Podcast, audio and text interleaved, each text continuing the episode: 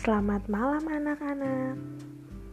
Selamat bergabung dalam siaran Dongeng Sebelum Tidur.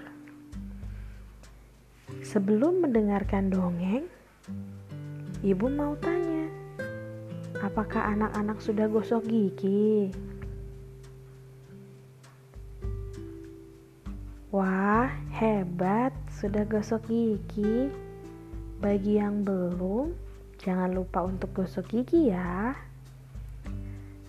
Nah, sekarang waktunya kita untuk dongeng sebelum tidur.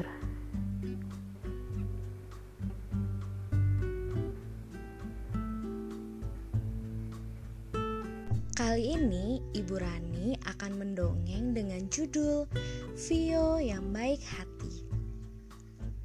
Di sekolah maju bersama, ada seorang anak bernama Vio.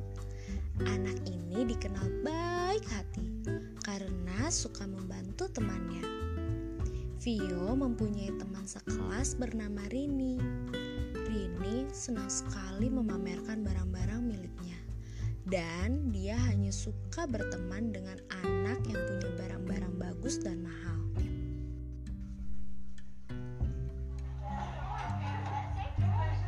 Di pagi yang cerah, Rini datang ke sekolah dengan wajah gembira. Dia mengalungkan botol minum baru hadiah ulang tahun dari mama. La la la la la. Selamat pagi teman-temanku.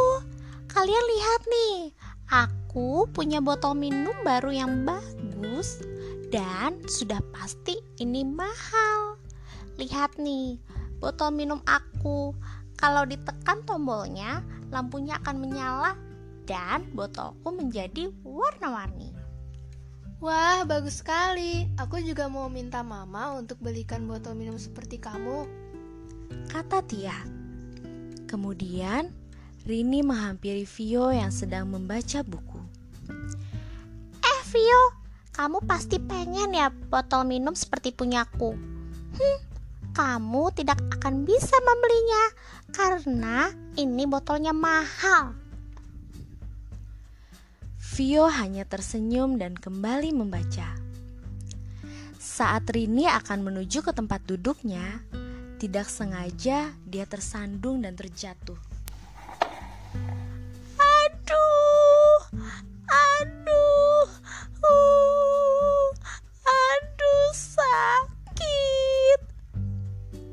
Botol minum milik Rini pun pecah.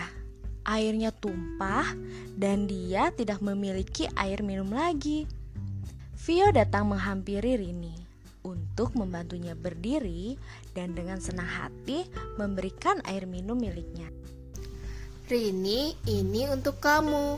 Hari ini mamaku membawakan aku satu botol air putih dan satu botol susu. Jadi kamu bisa minum ini.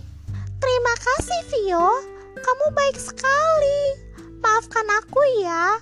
Aku tadi sombong padamu. Aku janji untuk menjadi anak yang baik dan berteman dengan siapa saja. Sama-sama Rini, kamu adalah temanku.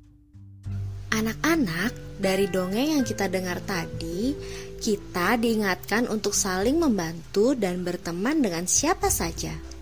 Sekian dongeng sebelum tidur untuk malam ini. Sampai bertemu di dongeng berikutnya. Sebelum tidur, jangan lupa berdoa dulu ya. Selamat tidur, selamat beristirahat. Tuhan Yesus memberkati. thank you